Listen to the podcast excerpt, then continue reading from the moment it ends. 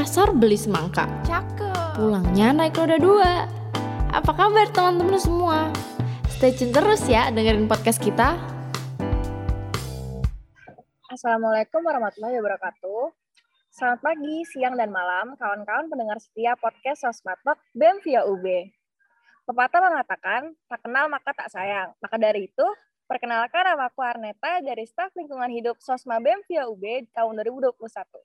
Kali ini, Sosmatok akan membahas seputar Hari Ozon Sedunia karena bertepatan dengan peringatan Hari Lapisan Ozon Sedunia. Untuk podcast kali ini, aku tidak sendirian loh. Aku bersama Mbak Ahadia akan berbincang seputar ozon. Halo Mbak Dia, gimana kabarnya? Halo Arneta, baik-baik. Alhamdulillah. Arneta gimana kabarnya?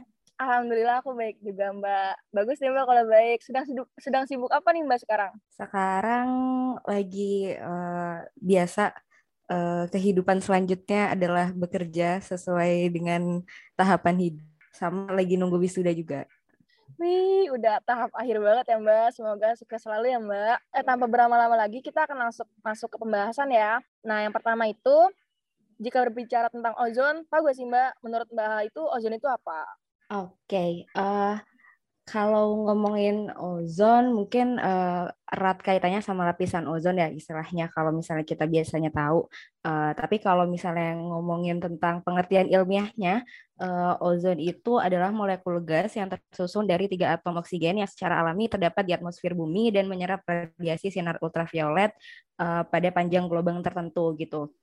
Nah, uh, kalau misalnya uh, kita kan biasanya tahu kayak tadi uh, ozon itu kan ada uh, lapisan ozon. Nah, ternyata uh, ozon itu uh, istilahnya itu ada ozon jahat sama ozon baik gitu. Jadi uh, kalau misalnya ozon baik itu ada di lapisan stratosfer yang uh, kita kenal biasanya kayak lapisan ozon yang melindungi bumi ya. Eh, nah, kalau misalnya si ozon jahat itu ada di, di lapisan uh, troposfer. Jadi uh, istilahnya troposfer itu kan atmosfer terbawah kan yang paling dekat sama bumi Betul. Uh, di uh, yang ada makhluk hidupnya. Nah, di situ itu uh, ozon jahat. Kenapa disebut ozon jahat? Karena gas-gas uh, yang terbentuk atau uh, si ozonnya itu uh, dampaknya itu buruk untuk uh, kehidupan gitu. Enggak enggak enggak kayak si lapisan ozon yang ada di lapisan stratosfer uh, yang dampaknya tuh baik. Jadi dia melindungi bumi dari uh, sinar ultraviolet gitu. Oh gitu ya Mbak. Aku sih baru tahu juga kalau terbagi menjadi ozon jahat dan ozon baik. Nah selanjutnya itu uh, fungsi dari lapisan ozon tuh apa ya sih Mbak? Kan kayak tadi dipaparkan ada dua jenis ya. Uh, yang baik itu baik itu kayak gimana dan ozon jahat itu yang bagaimana fungsinya? Uh, untuk si ozon, jadi perbandingannya itu sebenarnya uh, beda jauh gitu loh Kunet uh, untuk si ozon baik ini itu 90% kandungannya di bumi gitu. Jadi uh, kalau misalnya kita uh, prosentasekan si ozon ini itu 100% gitu. Nah, 90% uh, si gas atau senyawa ozon ini itu ada di uh, lapisan stratosfer uh, which is itu uh, si ozon baik. Sedangkan si ozon uh, jahatnya ini itu cuma 10% gitu. Nah, uh, kita ngomongin si ozon baik aja kali ya. Uh, jadi si ozon baik itu uh, karena yang paling banyak mengandung, yang paling banyak senyawanya yang ada di bumi itu dia fungsinya otomatis yang biasanya kita tahu adalah dia melindungi dari sinar ultraviolet. Nah, sinar ultraviolet ini kan salah satu gelombang dari energi radiasi matahari kan.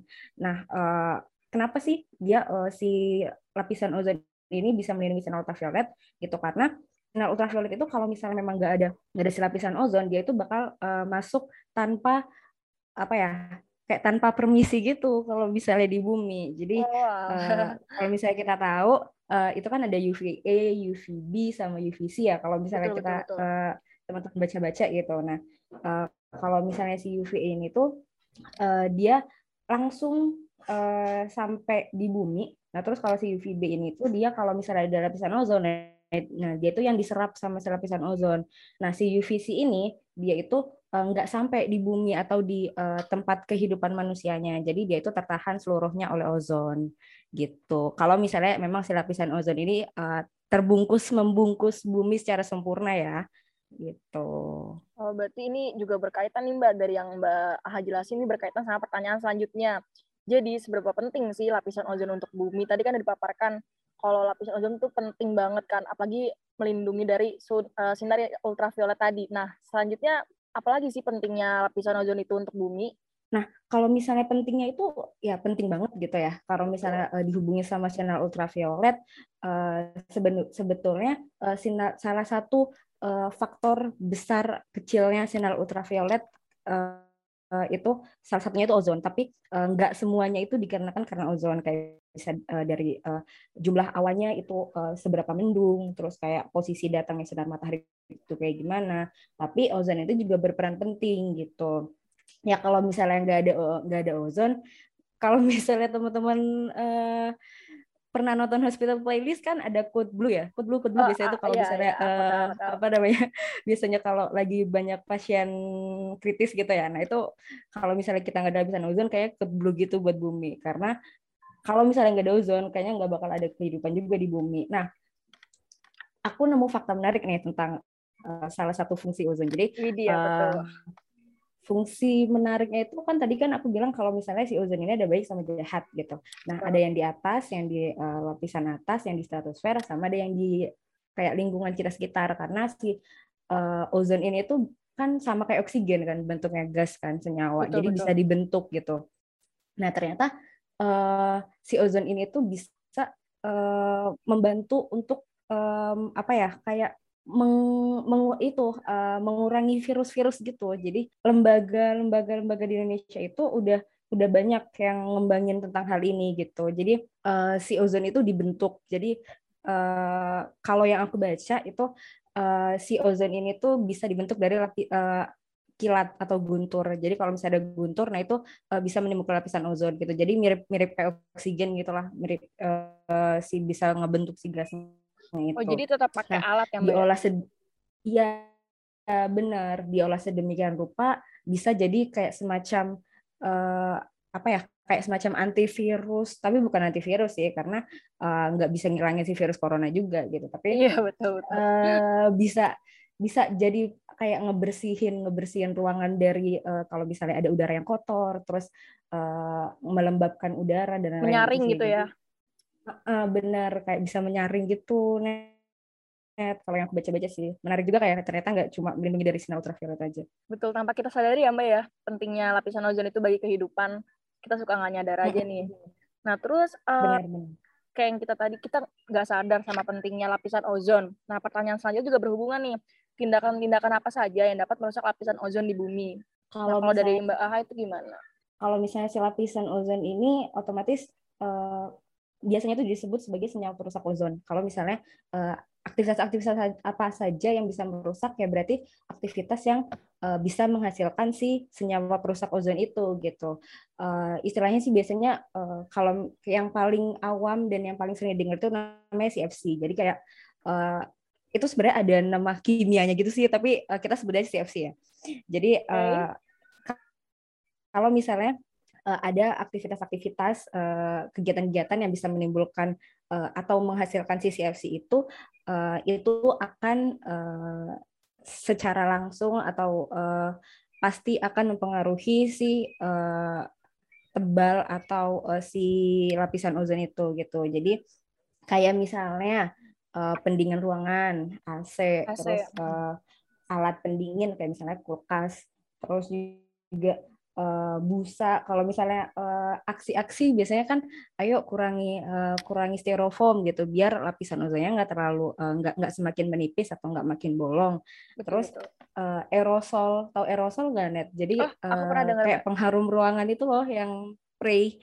Ya, nah itu tuh ternyata bisa juga mempengaruhi si uh, si gasnya uh, itu juga bisa mempengaruhi uh, besar kecilnya eh, atau uh, bisa mengurangi tebal tipisnya si lapisan ozon itu gitu. Dan tentunya gas kendaraan bermotor lah ya. Kita udah banyak yang tahu kalau misalnya itu berpengaruh ke uh, penipisan lapisan ozon gitu sih. Jadi uh, pokoknya si segala aktivitas yang memproduksi senyawa si senyawa perusak ozon tersebut itu uh, bisa bisa apa ya uh, meningkatkan uh, kemungkinan si lapisan ozon itu jadi lebih menipis. Hmm, jadi gitu ya. Nah, teman-teman, uh, kalau bisa kurangin ya melakukan aktivitas yang mengeluarkan senyawa yang dapat membuat lapisan ozon itu makin menipis. Nah, apa ya sih Mbak dampak buruk jika ozon itu semakin rusak atau semakin menipis? Oke, okay. tadi kan uh, mirip tuh ya.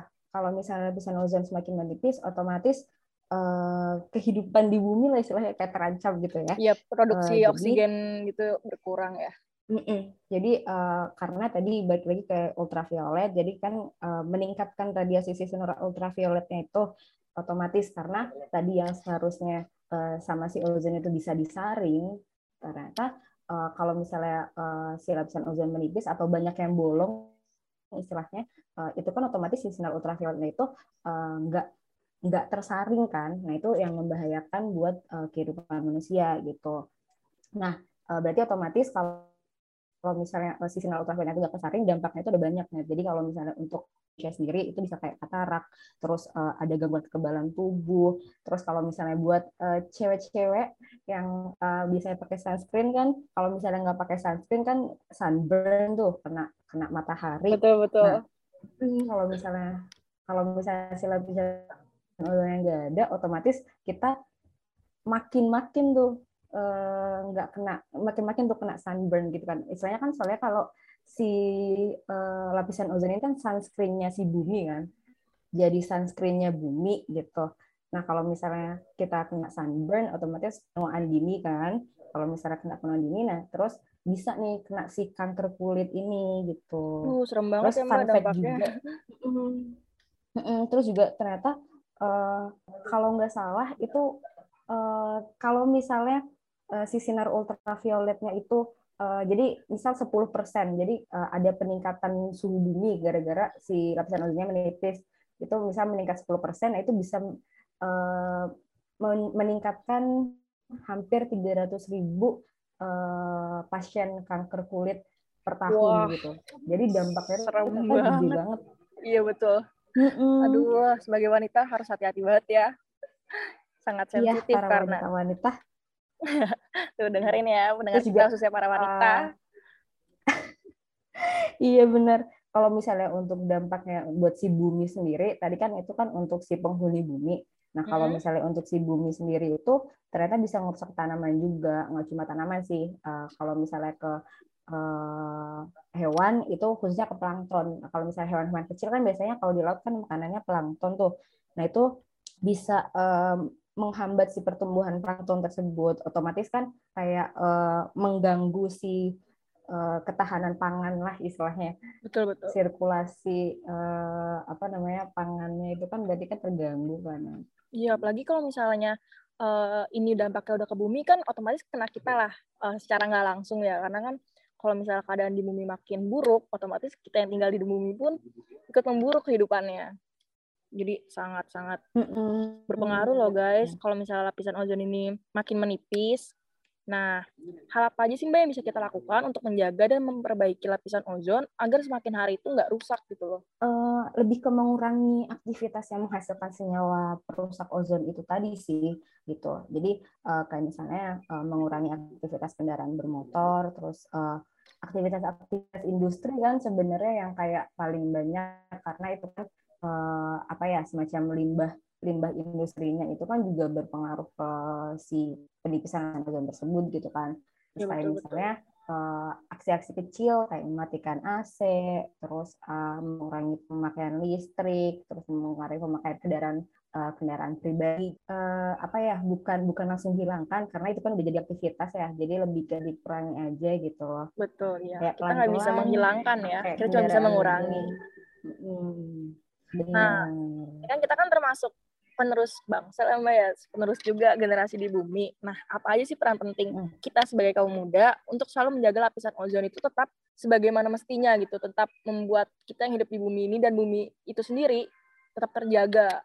Kalau misalnya ngomongin kita-kita nih ya, kita-kita kayak teman-teman, ini kan teman-teman sosma kan pasti udah uh, giat banget lah untuk campaign-campaign tentang menjaga lingkungan dan lain-lain. Sangat sih eh, parah banget sih emang. Uh, lebih ke bi edukatif aja nggak sih? Jadi kayak kita harus uh, lebih teredukat uh, lebih teredukasi juga, tapi kita juga bisa mengedukasi orang lain gitu. Jadi uh, kita semacam apa ya? Jadi orang yang terbuka akan segala informasi gitu. Kayak misalnya sebenarnya uh, si aktivitas atau aksi-aksi yang dilakukan oleh apa ya kayak pemerintah ataupun uh, komunitas-komunitas itu kan juga udah, udah lumayan banyak kan apalagi kalau misalnya aku baca-baca itu memang sekarang itu udah udah lumayan baik nih uh, untuk ya? apa ya keadaan ozon kita gitu keadaan lapisan ozonnya gitu karena mungkin karena pandemi juga ya kemarin Iya berkurang uh, aktivitas jadi manusia. Udah, udah mm, kayak mm, healing gitulah istilahnya si bumi ini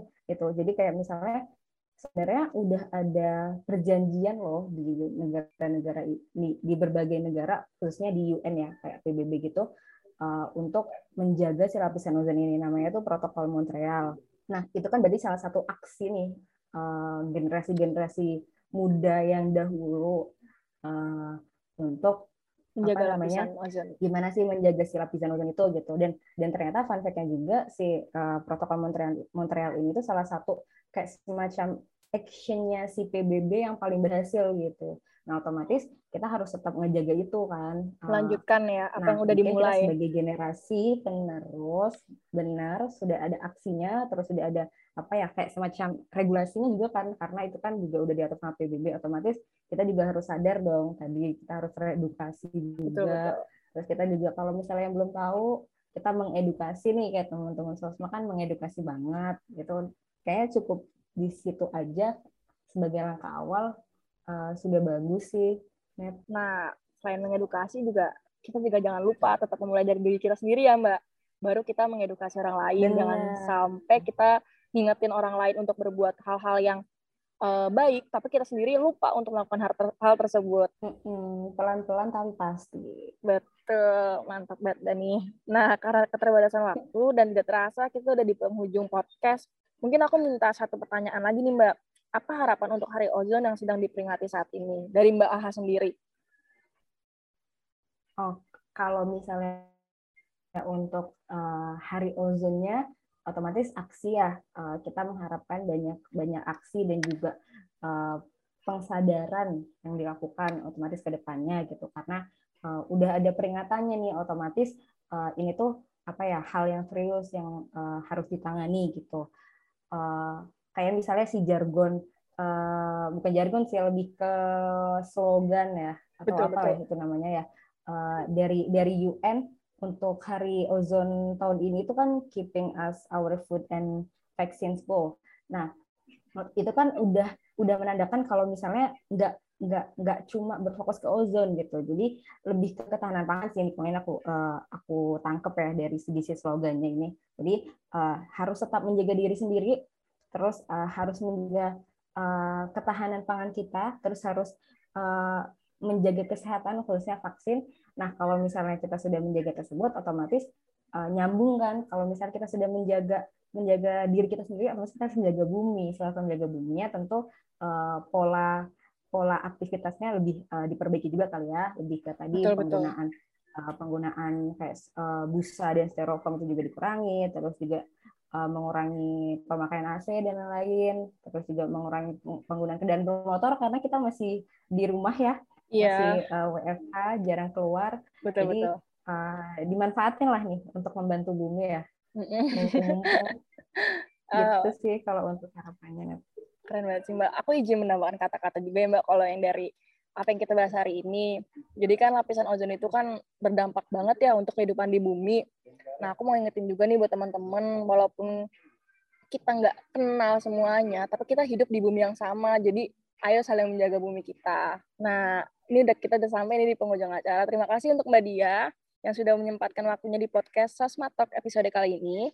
Semoga apa yang kita perbincangkan kali ini dapat membawa dampak positif, khususnya agar selalu menjaga lapisan ozon kita yang semakin hari semakin memburuk ini bisa terjaga dengan baik. Jika kita tidak berbenah hmm. untuk selalu menjaga dan memperbaikinya, lalu siapa lagi yang akan menjaganya? Jalan-jalan ke kota Kediri, jangan lupa mampir ke Candi. Aku Arneta, pamit undur diri. Sampai jumpa di episode lain nanti. Terima kasih semuanya. Dadah Mbak Dia, terima kasih. Thank you. Mandi pagi biar segar. Makasih udah denger.